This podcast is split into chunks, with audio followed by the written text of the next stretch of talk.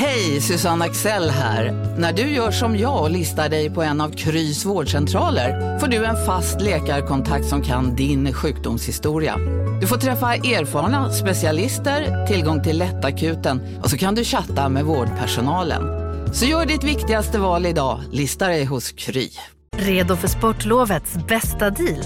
Ta med familjen och njut av en Big Mac, McFeast eller Cooper Cheese och Company plus en valfri Happy Meal för bara 100 kronor.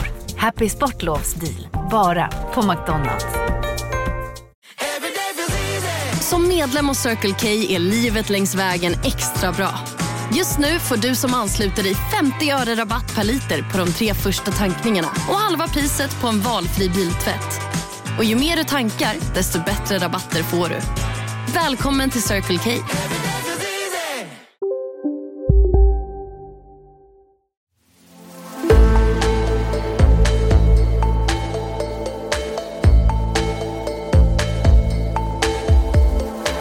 Inflationen är fortfarande alldeles för hög och den måste komma ner. This really is an earthquake, especially for the tech community. Silicon Valley Bank dropped by 60% yesterday alone. Återigen har vi blivit överraskade negativt vad gäller svensk inflationsutveckling. Riksbanken höjer räntan igen. Inflationen fortsätter ligga högt över målet. Öppnar de här snabba pris och kostnadsökningarna just nu ett ekonomiskt slukhål som mängder av skuldsatta hushåll och företag och kanske hela branscher riskerar att börja rasa ner i? Eller handlar alltihop som händer just nu mest om en slags sund tillbakagång till en ekonomisk vardag efter år av nollränte, doping och gratis pengar? Det här är Djupet. Jag heter Magnus Thorén.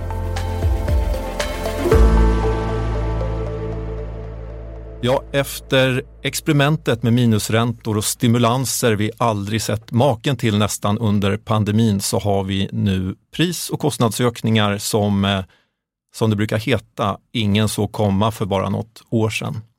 I veckan meddelade riksbankschefen Erik Thedéen alltså ytterligare en höjning av reporäntan med en halv procentenhet till 3,5 procent. Vad gör det här med den svenska ekonomin på djupet? Prata om det, det ska de här experterna göra. Thomas Fransén, tidigare förste vice riksbankschef och chef för Riksgälden. Thomas Fransén satt också som ordförande i den så kallade finanskriskommittén som tillsattes av regeringen efter finanskrisen på 00-talet.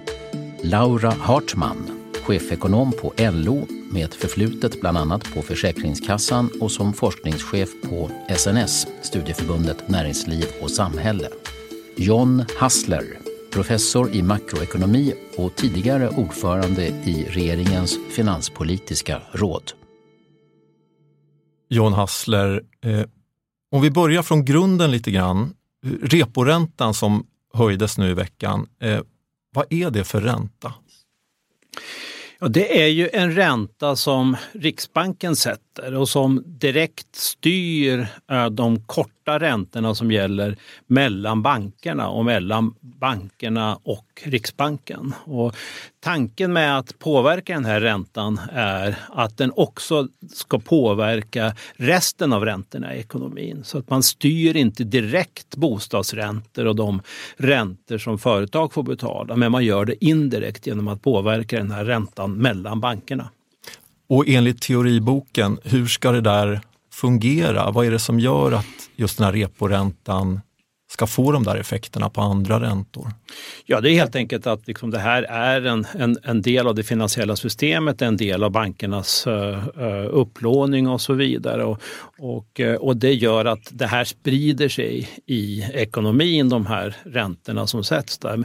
Det inte ett ett till ett förhållande utan skillnaden mellan eh, de räntor som styrränta, en styrränta som Riksbanken sätter och, och, andra räntor, det beror på andra saker också. Det beror på eh, hur riskabla investeringarna är. Och man, och, så att det finns inte ett ett till ett förhållande men, men teori och erfarenhet säger att det här är ett kraftfullt sätt att styra räntorna i ekonomin. Mm. Eh, under många år, för, för, inte så länge sedan faktiskt, även om det känns avlägset just nu, så hade vi ju nollränta, till och med negativ ränta. Och det där eh, skulle ju blåsa på inflationen, få upp den till målet.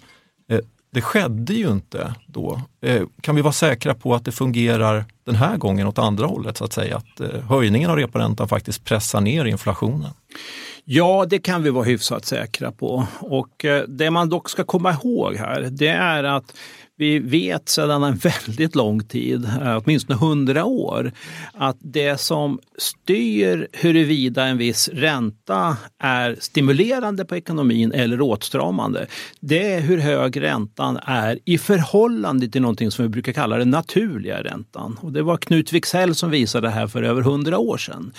Och Känd svensk eh, ekonom. Många säger att han är kanske den absolut viktigaste svenska ekonomen genom alla tider. Uh, uh, Eh, och han, han, visade det här. Och det som gör att det här är viktigt att hålla i åtanke det är att den här naturliga räntan som liksom blir en balanspunkt så att säga, den är inte konstant över tiden utan den har förändrats eh, ganska ordentligt trendmässigt under de sista 20-25 åren. Och det betyder det att en, den, en ränta som idag kanske känns ganska hög, 3,5 procent, den hade ju varit faktiskt stimulerande för 20-25 år sedan. Eh, och det där har också betydelse för eh, synen på hur extrem den här penningpolitiken var som fördes innan pandemin. Jag skulle vilja hävda att det inte händer ingenting dramatiskt just vid nollstrecket. Utan en ränta som är svagt negativ, det är ungefär som en ränta som är svagt positiv. Det är inte jättestora skillnader. Mm. Och, och, men på grund av att den där naturliga räntan då under tiden från säg mitten på 90-talet fram till uh, för åtminstone en, en 5-6 år sedan föll, så var egentligen inte minusränta särskilt extremt. Det var inte en extremt stimulerande politik. Okej.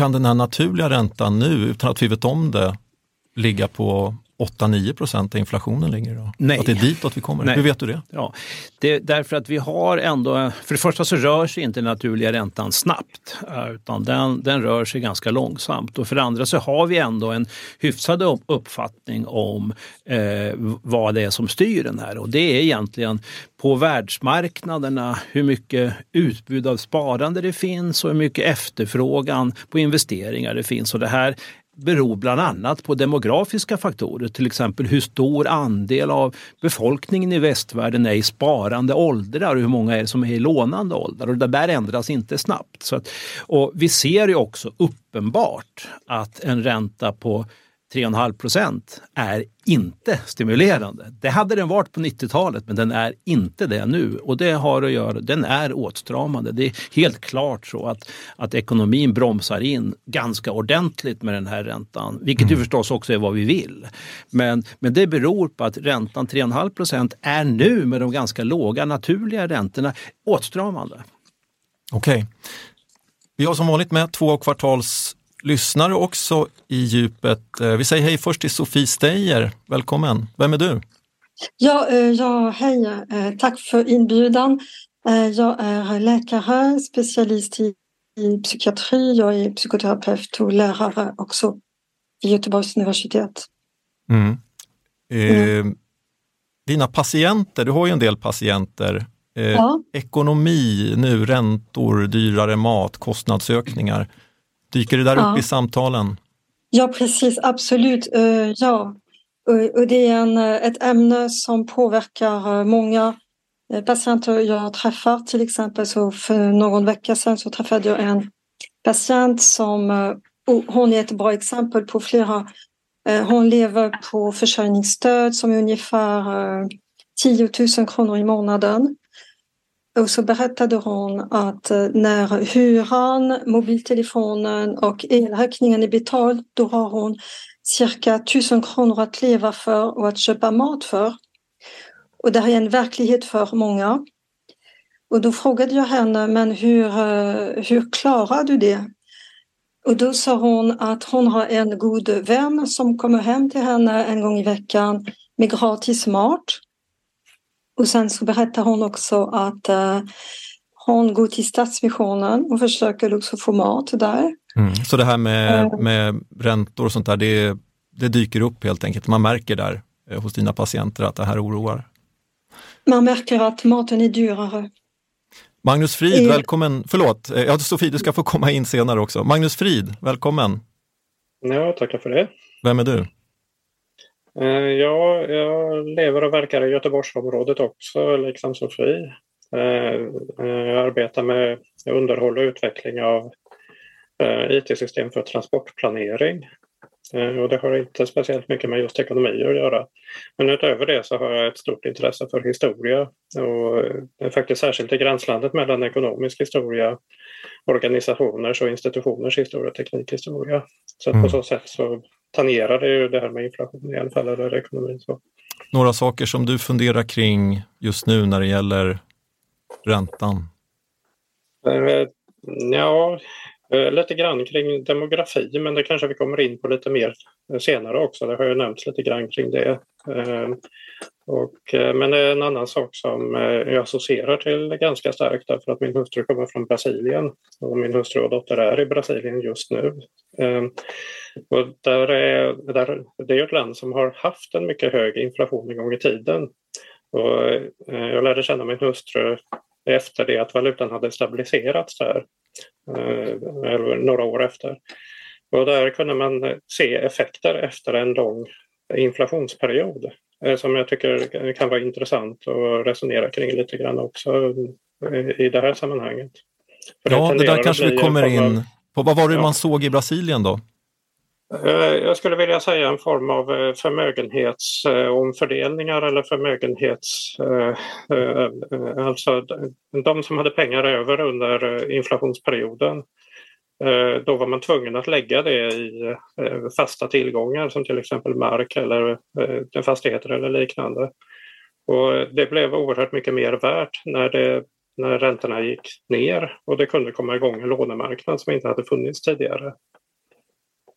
Ja, vi kan se om vi kan hitta några paralleller eller få upp det där lite senare i samtalet. Ni finns ju med hela vägen och ni ska få ställa lite frågor och komma med reflektioner sen såklart. Laura Hartman, välkommen du också. Tack. Riksbankens höjning nu upp till 3,5 procent eh, ska bli en till framåt sommaren eller senast i höst låter det som. Eh, vad gör den med, med Sverige och samhället? Ja, jag är bekymrad. Jag är inte så förvånad eh, att Riksbanken gör så här, för det har de ju aviserat tydligt. Men jag är bekymrad därför att eh, när man ska använda sig av sådana här ekonomiskt politiska verktyg som räntan, räntevapnet är för Riksbanken, så ska man ju såklart väga noga nyttan av den, det, det verktyget mot de kostnader som det innebär kanske i andra delar av ekonomin. Och det här står faktiskt numera också väldigt tydligt förtydligat också i riksbankslagen och, och deras uppdrag. Och på ren svenska betyder det nu i det här fallet att man ska väga den inflationsdämpning som räntan kan förväntas ha mot den nedkylning, eh, lågkonjunktur, ökad arbetslöshet och alla de bekymmer som det kan ge i andra ändan och även den här typen av naturligtvis förmögenhets Eh, fördelningar som vi lite är inne på. Och jag menar att man tar eh, för lätt på den avvägningen nu. Eh, den nytta som räntevapnet ger mot den här typen av inflation som har så tydligt kommit från utlandet i form av en utbudschock och eh, höjda energipriser eh, som inte vi med inhemska medel kan åtgärda den här ursprunget till inflationen. Eh, räntevapnet är ineffektivt mot den här typen av inflation. Jag kan utveckla det mer sen. Man pratar nu om att inflationen sprider sig i andra priser också men då säger jag att allting är ju mer eller mindre beroende av energin så att det, så det sprider sig i nästa led och nästa led och nästa led. Och det där kommer tyvärr att ta sin tid innan de där ringarna på vattnet har avtagit. Nyttan är begränsad men kostnaden för varje räntehöjning är stor. Eh, hushållen som är högt skuldsatta med stor andel rörliga lån eller åtminstone kortbundna lån har redan tagit mycket mer av smällen än i många andra länder. Men ännu inte fullt ut den smällen som de här räntehöjningarna som har varit kraftiga nu från 0% till 3 på, på under ett år, eller ungefär ett år. Eh, vi har mer effekt att hämta ut av de negativa konsekvenserna av nedkylningen av, eh, på hushållen. Jag menar att man borde ha haft is i magen och väntat ut dem. Eh, det finns ytterligare ett argument som vi vet från läroböckerna när vi läser om hur inflationen sätter sig i en ekonomi, det som hände i Brasilien bland annat eh, och Sverige också tidigare 80-90-talet är nämligen att det blir prislönespiraler. Att lönerna ökar för att kompensera för den inflation som vi har upplevt, den reallöneminskning som vi har sett. Lön, lönerna ökar lika mycket vilket i sin tur triggar ytterligare prishöjningar och så vidare.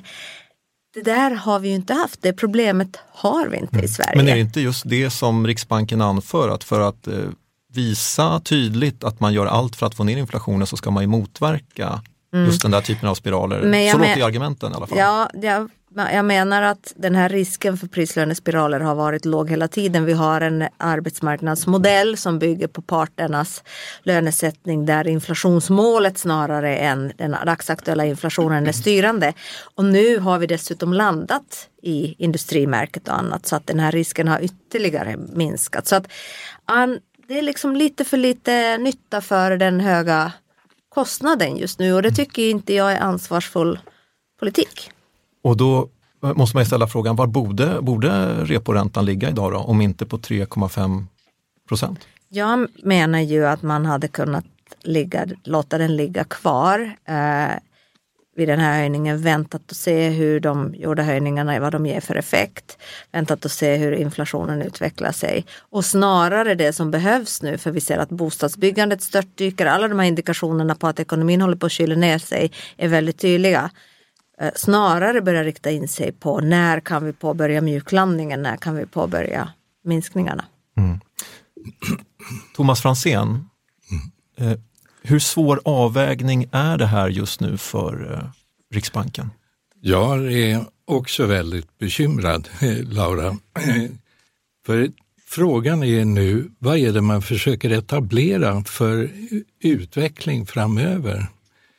Om, låt oss säga att Eh, Erik Thedéen nu på presskonferensen hade sagt att vi ska tillbaka till en inflation på runt eh, 2 Vi ska ha en tillväxt som är några procentenheter och eh, företagens avkastning på sitt kapital ska vara 15-20 procent.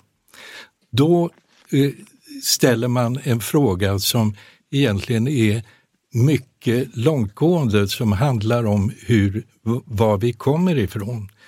Man kan säga att eh, låga räntor var eh, eh, inte så extrema eh, om man bara tittar på inflationen då. Men å andra sidan så kan man säga att de är väldigt extrema jämfört med de avkastningskrav som företagen har och som de deklarerar att de har. Och hur hänger det där ihop då, att företagen gör höga vinster ja. samtidigt som det är låga räntor? Varför har det en koppling? Centralbankerna har sänkt räntan. De har varit bekymrade över skuldsättningen som hushållen har haft.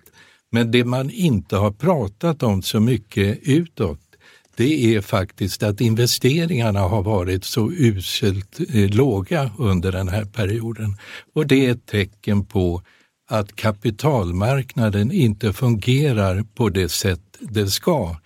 När vi har haft en sån här nedgång i eh, räntan som har kommit ifrån obligations och sparandet, men det har inte mötts med reducerade krav på avkastning i företagen. Så istället har, har företagen delat ut pengarna till sina aktieägare och sen har det spritt sig i finansiella bubblor.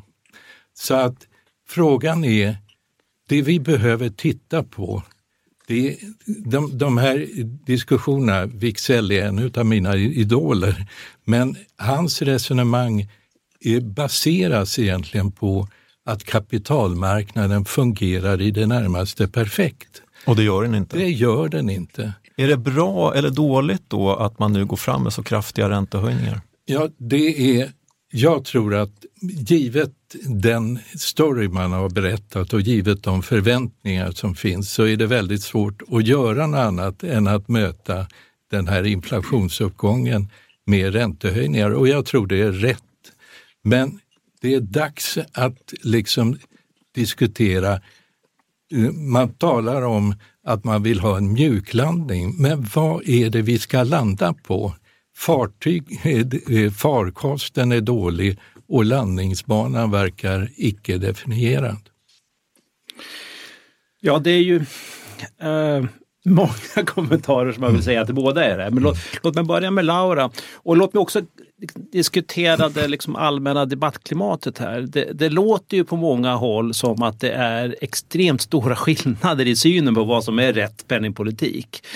Jag skulle säga att det där är ganska överdrivet. Eh, det är inte så att ekonomin står och faller i dagsläget med huruvida vi får tre procents ränta eller 3,5. Utan, så skillnaderna i åsikter är inte så stora. Och jag lutar väl kanske åt att jag håller med Laura och att det hade, det hade nog räckt att låta räntan vara, vara, vara konstant i, idag och inte höja den med de här 50 3 procent kunde ja, man ha legat kvar på. Det hade man kunnat göra därför att jag tror att det ligger en del i det som Laura säger, nämligen att vi ser tydliga effekter på inbromsning i ekonomin och det är precis det man vill åstadkomma. Det här kommer vi att förhoppningsvis att se uh, att det leder till att inflationen kommer ner i lagom tid. Jag håller också med Laura när hon säger att att man kan inte göra så mycket åt, eh, man bör i varje fall inte försöka med penningpolitiken att göra så mycket åt det här med att ett antal priser har gått upp snabbt som inte vi har kontroll över. Och det, det rör, ju, rör ju då energipriser och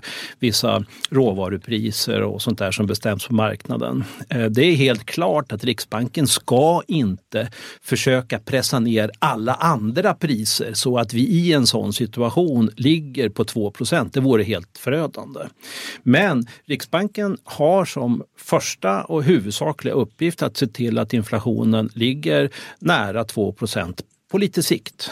Eh, och en förutsättning för det, det är att det finns förtroende för, för, eh, för inflationsmålet. Eh, att man kommer att klara det här. Och, och, det är det som nu politiken handlar om, att liksom inskärpa oss alla att vi menar allvar. Och hur mycket som behövs göras för att, för att det där ska liksom bli tydligt för alla, det kan man diskutera. Och, men det handlar inte om att man inte skulle höja räntan alls, att man skulle ligga kvar på noll. Det skulle tror jag att finns ingen som föreslår det. Det finns heller ingen som föreslår att man ska ta i så mycket att man liksom pressar ner alla andra priser så att det liksom, man kompenserar för de här relativprishöjningarna. Så det är inte så att vi är jätteoeniga eh, ekonomer emellan och bedömare om vad som är rätt penningpolitik. Men på marginalen finns det lite skillnader.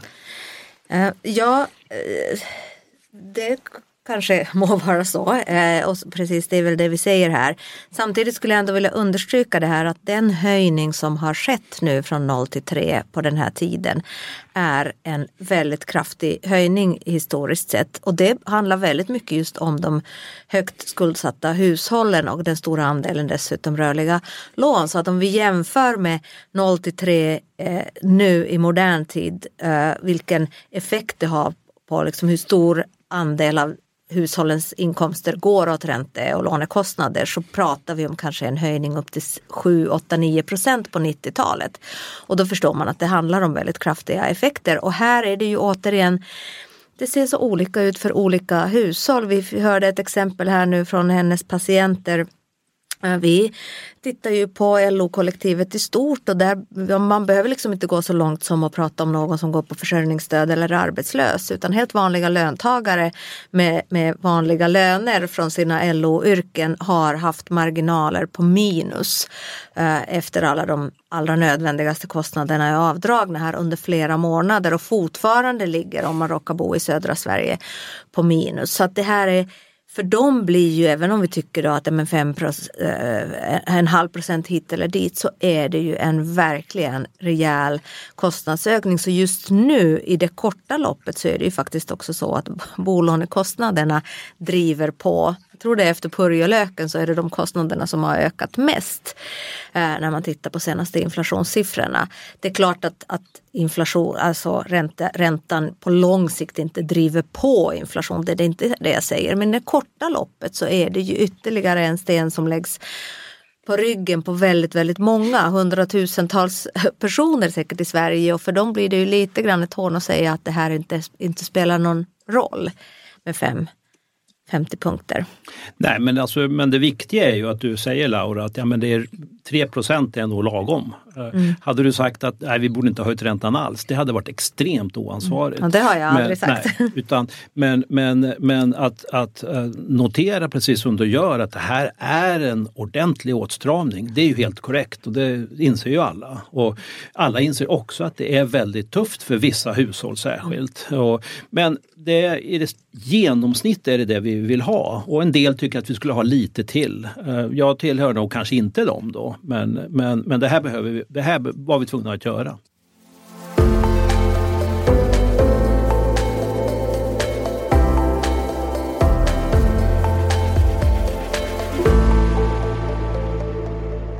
Vi lyssnar på Kvartaldjupet eh, och en fråga man kan ställa sig det är ju hur vi ska betrakta situationen som vi och svensk ekonomi befinner sig i just nu. Finns det historiska paralleller och vilka lärdomar går i så fall att dra av dem?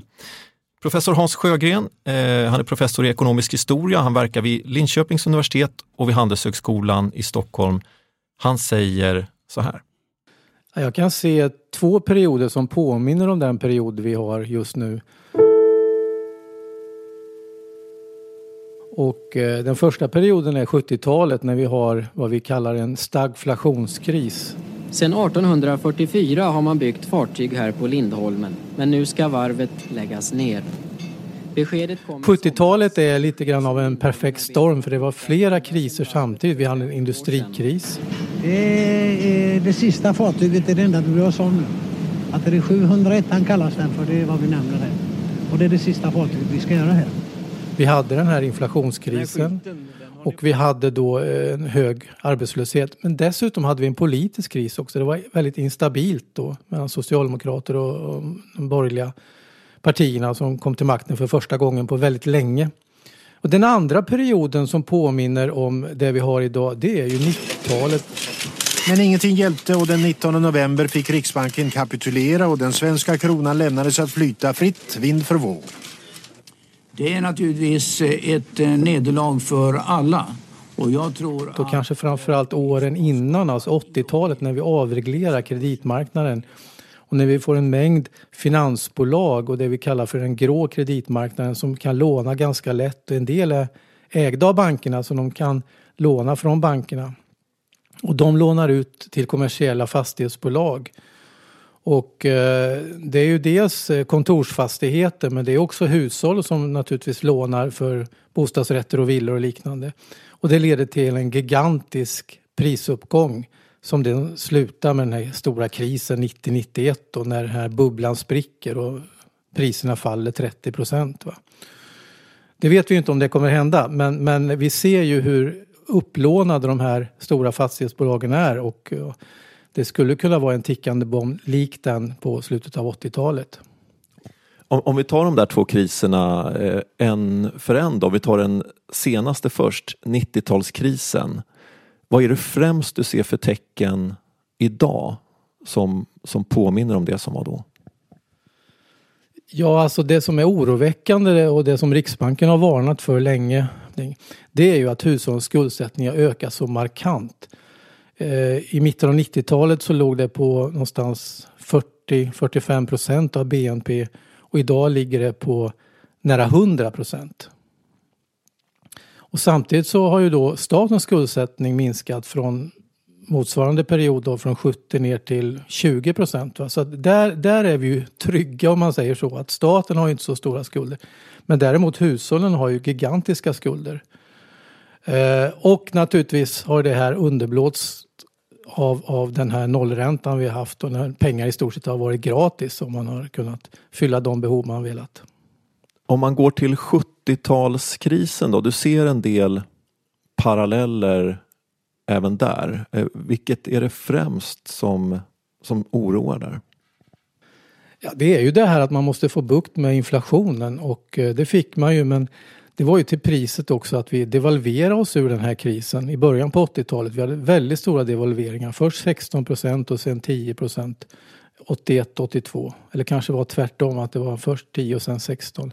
Men i alla fall, vi har devalverat oss ur våra kriser i Sverige och gjort att Ja, vi har ju naturligtvis vunnit konkurrenskraft i termer av att det har blivit billigare eh, att köpa svenska varor men, men vi svenska, svenska hushåll har blivit fattigare på grund av de här devalveringarna.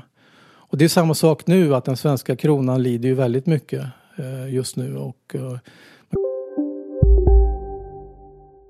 Big Mac har miljarder fans över hela världen. Under mer än 50 år har den skapat popkulturell historia. En legend med 100% nötkött och den mytomspunna såsen. Nu finns Big Mac för bara 39 kronor på McDonalds. Okej hörni, gänget! Vad är vårt motto? Allt är inte som du tror. Nej, allt är inte alltid som du tror. Nu täcker vårt nät 99,3 procent av Sveriges befolkning baserat på röstteckning och folkbokföringsadress. Ta reda på mer på 3.se eller i din 3-butik. Hej, Synoptik här. Livet med glasögon ska vara bekymmersfritt. Därför får du 30% på alla glasögon när du väljer Synoptik All Inclusive. All service ingår alltid. Välkommen till Synoptik. Man kan säga att vår, vår, exportindustri är dopad på grund av att den här växelkursen är så låg. En, en avgörande skillnad från både 70-talet och 90-talet kan man säga att det är avregleringar och globalisering. Det är någonting som har skett väldigt kraftigt under de senaste decennierna.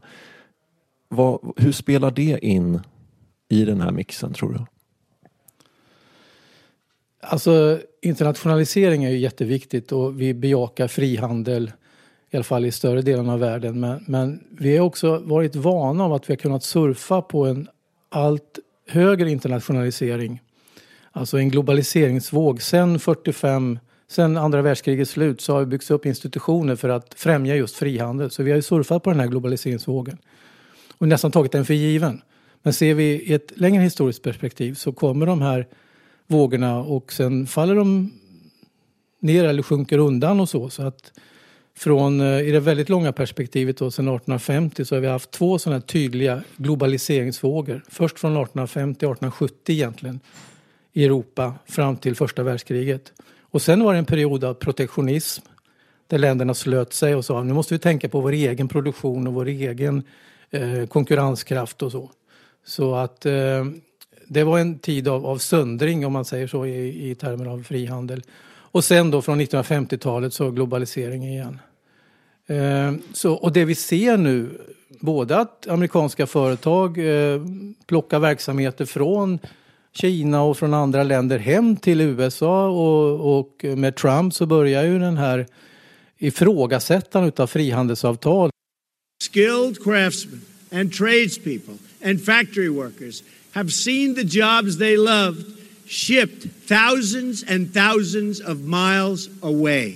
Och sen då med kriget nu, Ryssland och Ukraina, så, så har ju också det bidragit till att det är en knäck i den här kurvan. Alltså den globaliseringsvågen är inte lika självklar på något sätt. Så att eh, den är, det är inte givet att det fortsätter med frihandel. This wave of globalization has wiped out totally, totally our middle class. It doesn't have to be this way. We can turn it around and we can turn it around fast. Står vi i ett skifte där? Kan man säga det tror du? När det gäller ökad globalisering fram till nu och att det där kommer nu att dras tillbaka? Ja, de tecken som jag ser det är ju att eh, den här vågen håller på att eh, dra sig undan. Alltså att vi har nått en peak just. Sen kan ju det vara ett hack i det längre perspektivet. Alltså det är väldigt svårt att idag säga att så här kommer det bli. Men, men, men de tecken, de observationer som vi har och de avtal och de ledande politiker som, som uttalar sig om frihandel har ju på något sätt gjort att den här vågen har eh, klingat av något. Så Donald Trump för ett antal år sedan när han pratade om att eh, man var tvungen att göra sig fri från Kina, stålproduktionen var viktig för USA. Många bedömare och experter de skrattade lite och skakade på huvudet när han pratade om det där. Fick han rätt? Att han fick rätt, men, men det är klart att han, han eh, det, det, handlar ju mer om en makt, alltså han ville ju ge USA kraft igen, konkurrenskraft. Så att eh, Eh, Eh, det, var, det var ju det var en nationalistisk eh, syn på, på, på detta helt enkelt. Att ta tillbaks kraften och, och känna att, att man, man ledde verksamheten och att det var USA som räknades framför allt. För Sverige då? Liten öppen ekonomi. Vi pratar alltid om hur viktigt det är med, med, med frihandel för oss för att vi ska eh, få ett välstånd. Är det här en bra eller dålig utveckling för Sverige?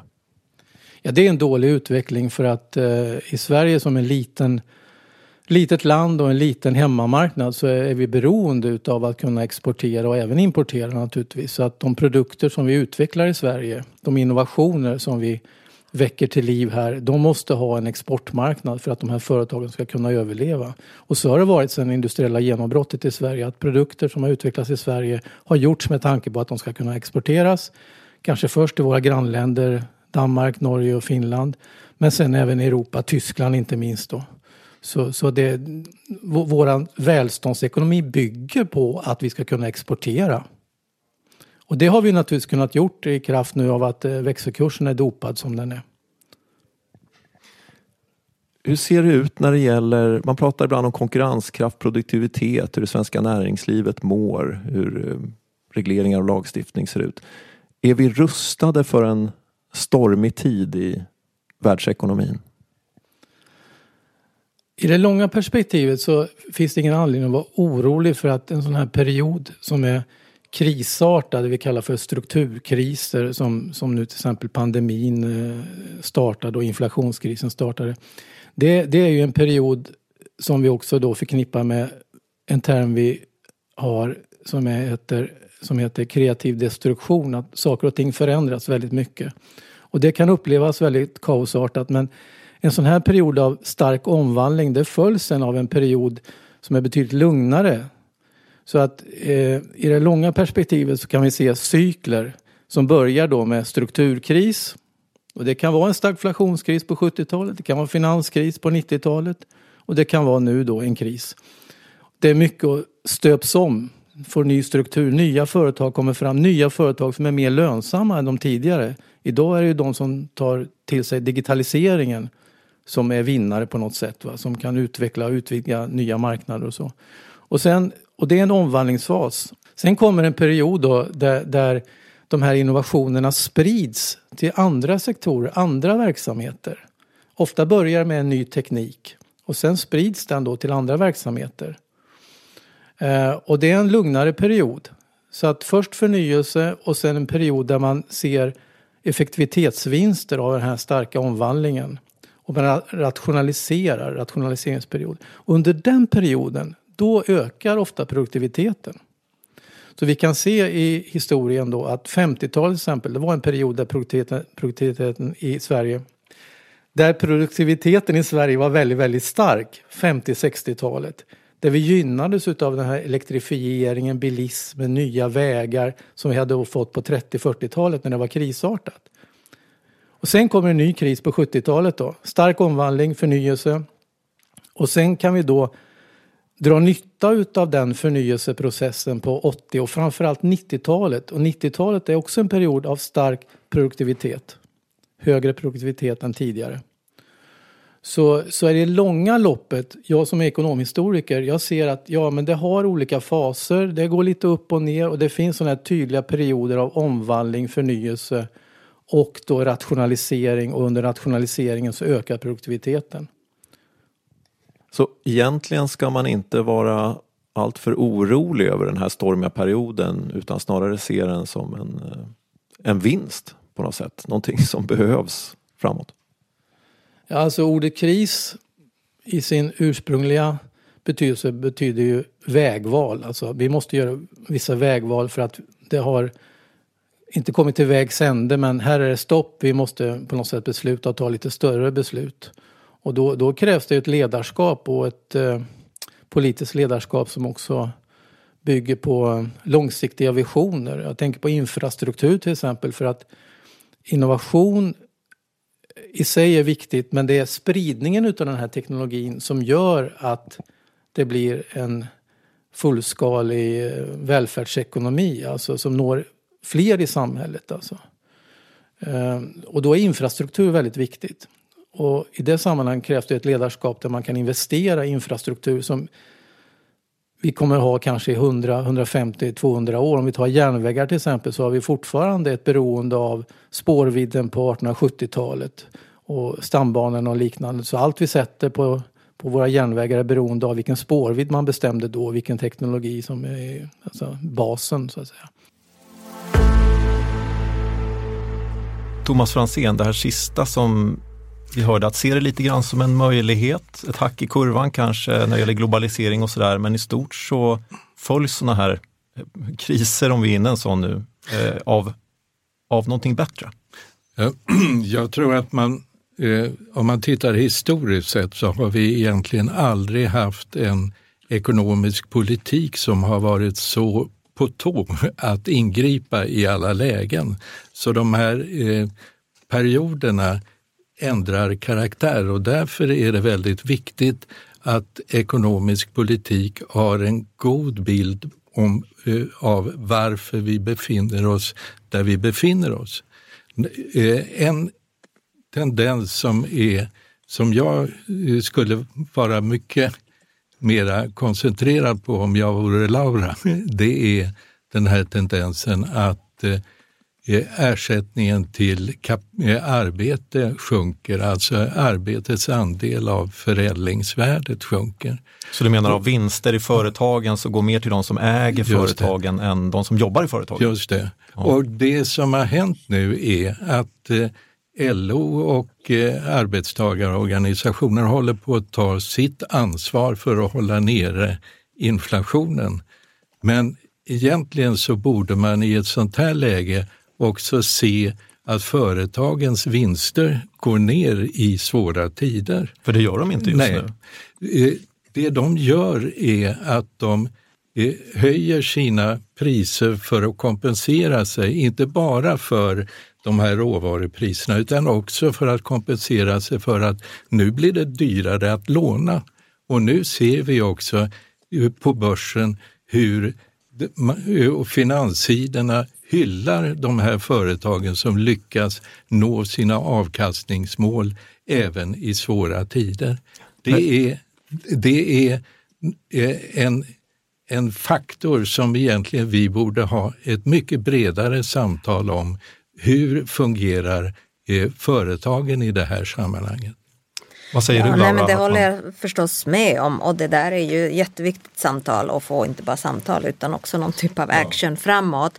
Sen är det ju ett exempel på återigen det här med det finns ju massa kortsiktiga liksom, eller balansen mellan det kortsiktiga och långsiktiga som blir ofta problematiskt i ekonomisk politik som med allt beslutsfattande. Här, jag menar, en, ett, det kanske viktigaste argumentet för de ändå historiskt höga lönekrav som också till stor del gick igenom nu i årets avtalsrörelse hittills har ju argumenterats just med de historiskt höga vinstandelarna och den starka konkurrenskraften och, och dessutom ganska höga löneökningar i våra viktiga konkurrentländer. Sen landar vi ju naturligtvis ändå fortfarande betydligt lägre den dagsaktuella inflationen vilket är ju ett slags ansvarstagande för den långsiktiga utvecklingen. Eh, men, eh, men jag håller ju naturligtvis helt med om den här diskussionen. Vi har sett det under en längre tid, inte bara här och nu, den här vinstandelen som ökar.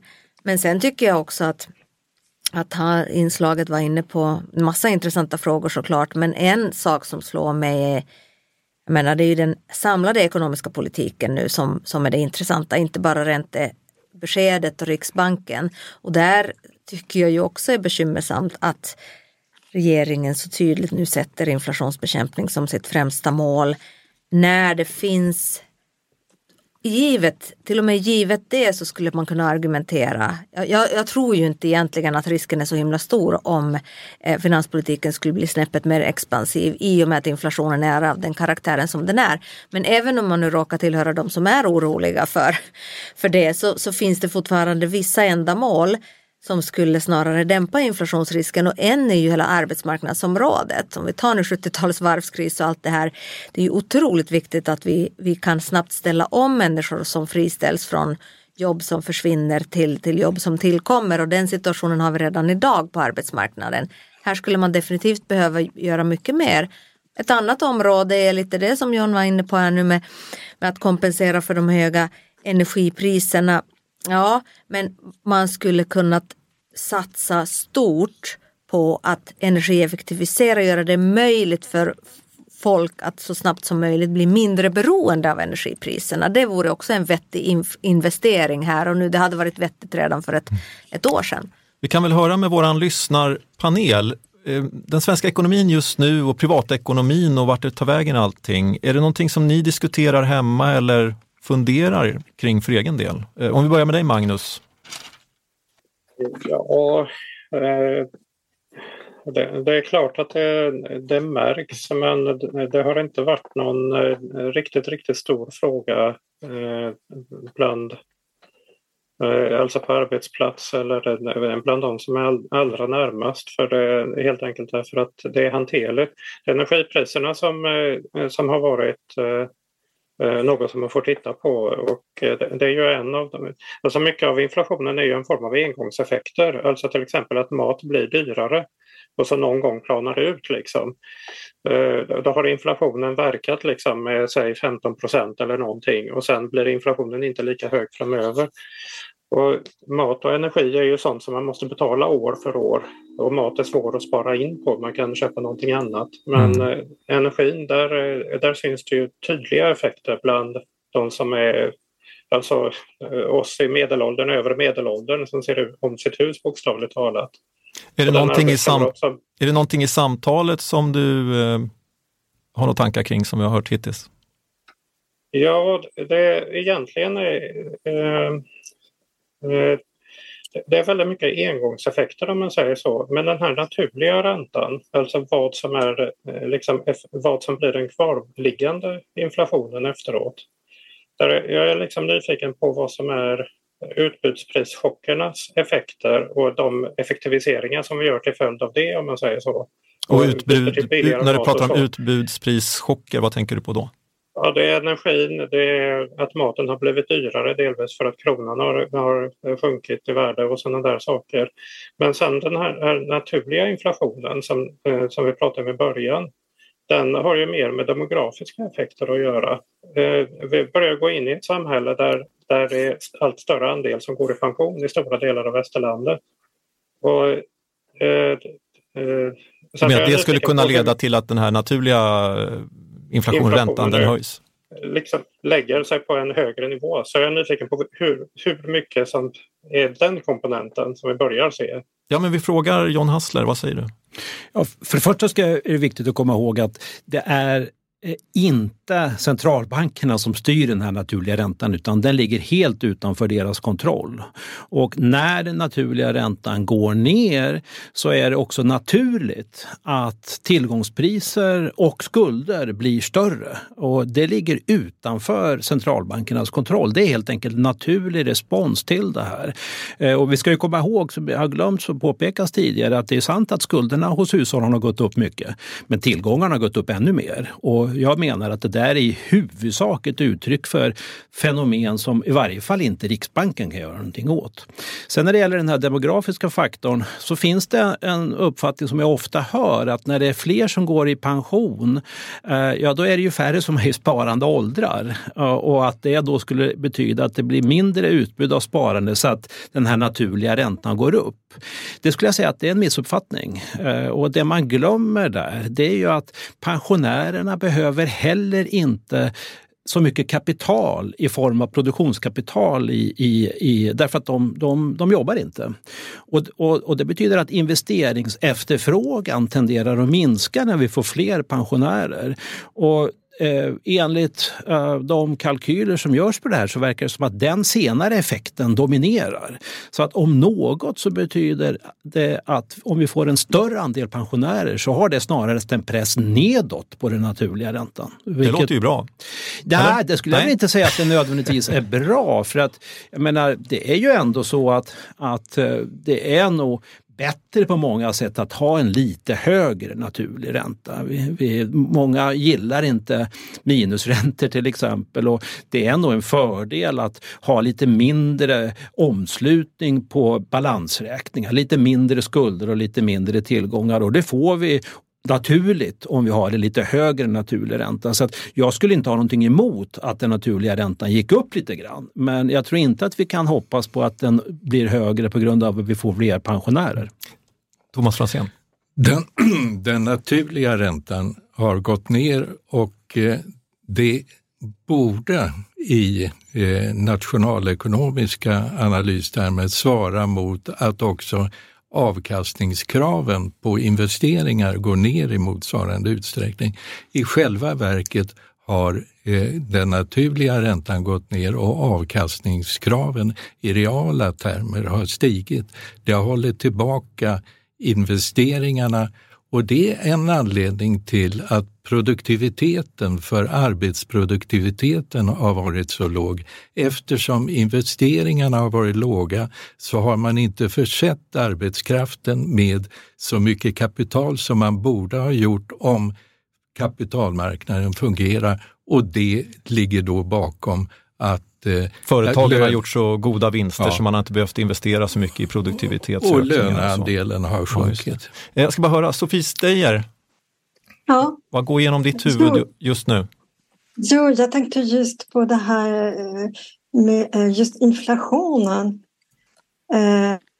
som innebär att priserna stiger så att man kan köpa färre varor för samma mängd pengar så, så, så, tycker jag att på grund av inflationen så har vi hemma blivit mer medvetna över vårt beteende och till exempel så, så vet jag att jag till exempel kan gå till flera butiker.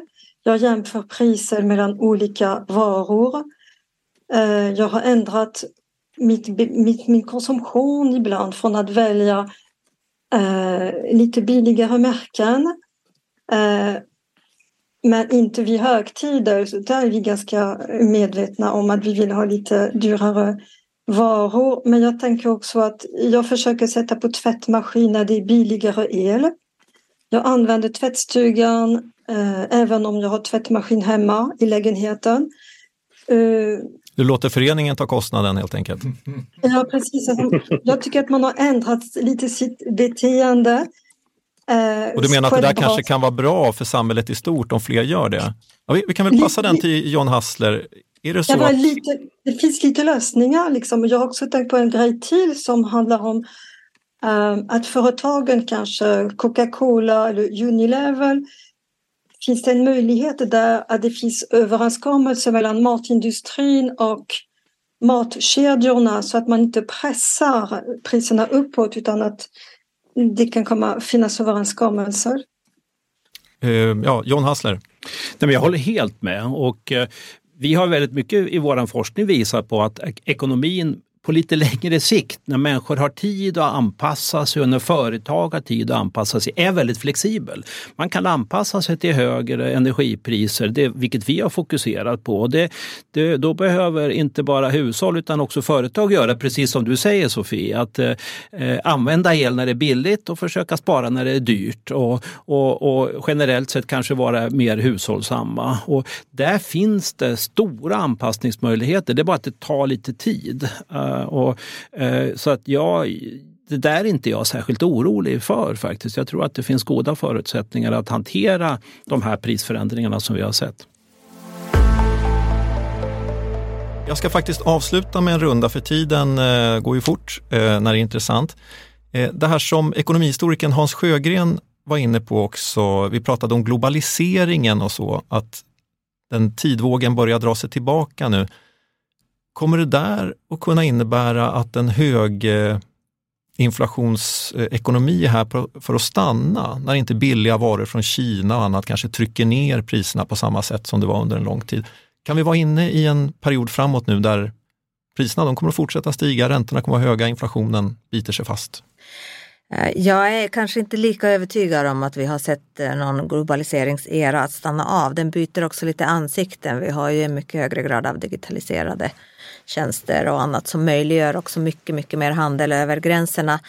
Ehm, däremot eh, så är det ju en hel del eh, utmaningar här och nu vad gäller det också. Jag menar hela stora stödpaketet i USA som går så kraftfullt in och stöttar amerikansk industri och eh, skapar liksom käppar i hjulen i frihandel som i sin tur pressar Europa att göra liknande saker. Vi har haft en god princip i Sverige att inte inte skydda arbeten utan skydda snarare och, och, underlätta för människor som just förlorar jobbet att skola om sig med hjälp av arbetsmarknadsutbildning och annat till, till nya jobb. Och det där, den här principen att nu kanske då även Sverige behöver gå in och börja rädda industrier eh, är, ju, är jag ju kanske snarare lite mer fundersam kring. Men, men globaliseringen Ja, nej, jag, jag, tror inte vi kan dra så stora Den kommer att fortsätta växlar. som vanligt mm. Eh, och inflationen eh, den går ner Ja, framåt. men det, det är jag nog rätt, känner mig rätt trygg med att vi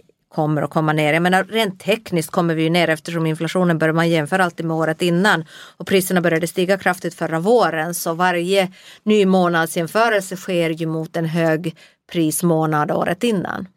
Thomas Franzén, är du rädd för en ny högränteinflationsverklighet? Nej, jag tror väldigt mycket på den prognos som faktiskt finns i Valutafonden att eh, när man eh, i den senaste outlooken att eh, när det här är över så kommer vi tillbaka till ett läge där vi får en ekonomi som går väldigt svagt med låg inflation och låg tillväxt och utan Eh, tillväxtkraft. Det som vi kallade det nya normala förut som var allt annat än normalt och det borde vi ta en särskild omgång och prata om. Vad är det nya normala? John Hassler.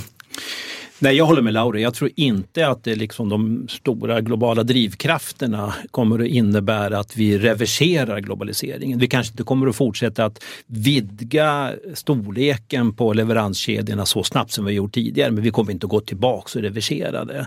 Eh, med mindre än att det händer något väldigt otäckt eh, geopolitiskt. Jag menar, om Kina skulle invadera Taiwan eller någonting sånt där, då är det klart att då kan det bli den här uppdelningen i block som vi, som vi tycker skulle vara väldigt illa. Men annars så, så, tror jag inte att vi kommer att få en reversering av globaliseringen. Eh, när det gäller eh, inflationen så tror jag också att vi kommer att komma tillbaks till en, en, en, en måttlig inflation. Men det är framför allt på grund av att vi faktiskt drar lärdomar av de misstag som vi gjorde på 70-talet. Då trodde man att man kunde eh, låta bli att ta realekonomiska kostnader, högre arbetslöshet till priset av en lite högre inflation. Och det där gjorde att inflationen bet sig fast. Nu har vi insett att inte det funkar och det är därför som vi har en, en snabbt eh, stigande ränta i Sverige och i omvärlden också för att vi inte ska upprepa det misstaget. Och på grund av att vi har lärt oss av historien så tror jag att det här kommer att gå ganska bra. Mm. Så att, eh, positiv här, ni lite negativt här, ja. Thomas Franzén. Ja. Eh, Laura Hartman, är du mitt emellan där eller mest positiv?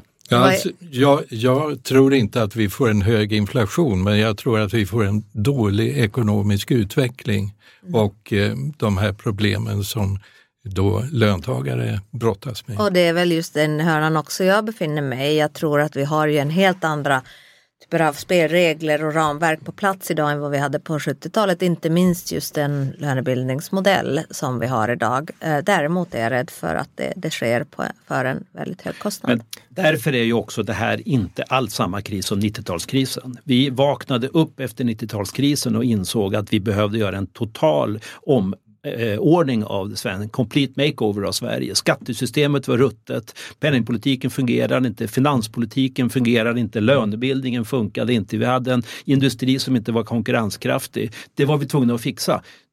Där är vi ju inte alls idag. Men vi behöver se över hur penningpolitiken fungerar. Nej, det tror jag inte. Okej, okay, det får bli en annan eh, fråga. Eh, Jon Hassler, Laura Hartman, Thomas Fransén och Magnus och Sofie också i, i vår eh, lyssnarpanel. Tack allihopa för att ni var med i djupet. Tack. Tack. Tack. Ja, tack så mycket. I veckan meddelade riksbankschefen Erik Thedéen att räntan kommer att höjas igen redan före sommaren eller senast i september.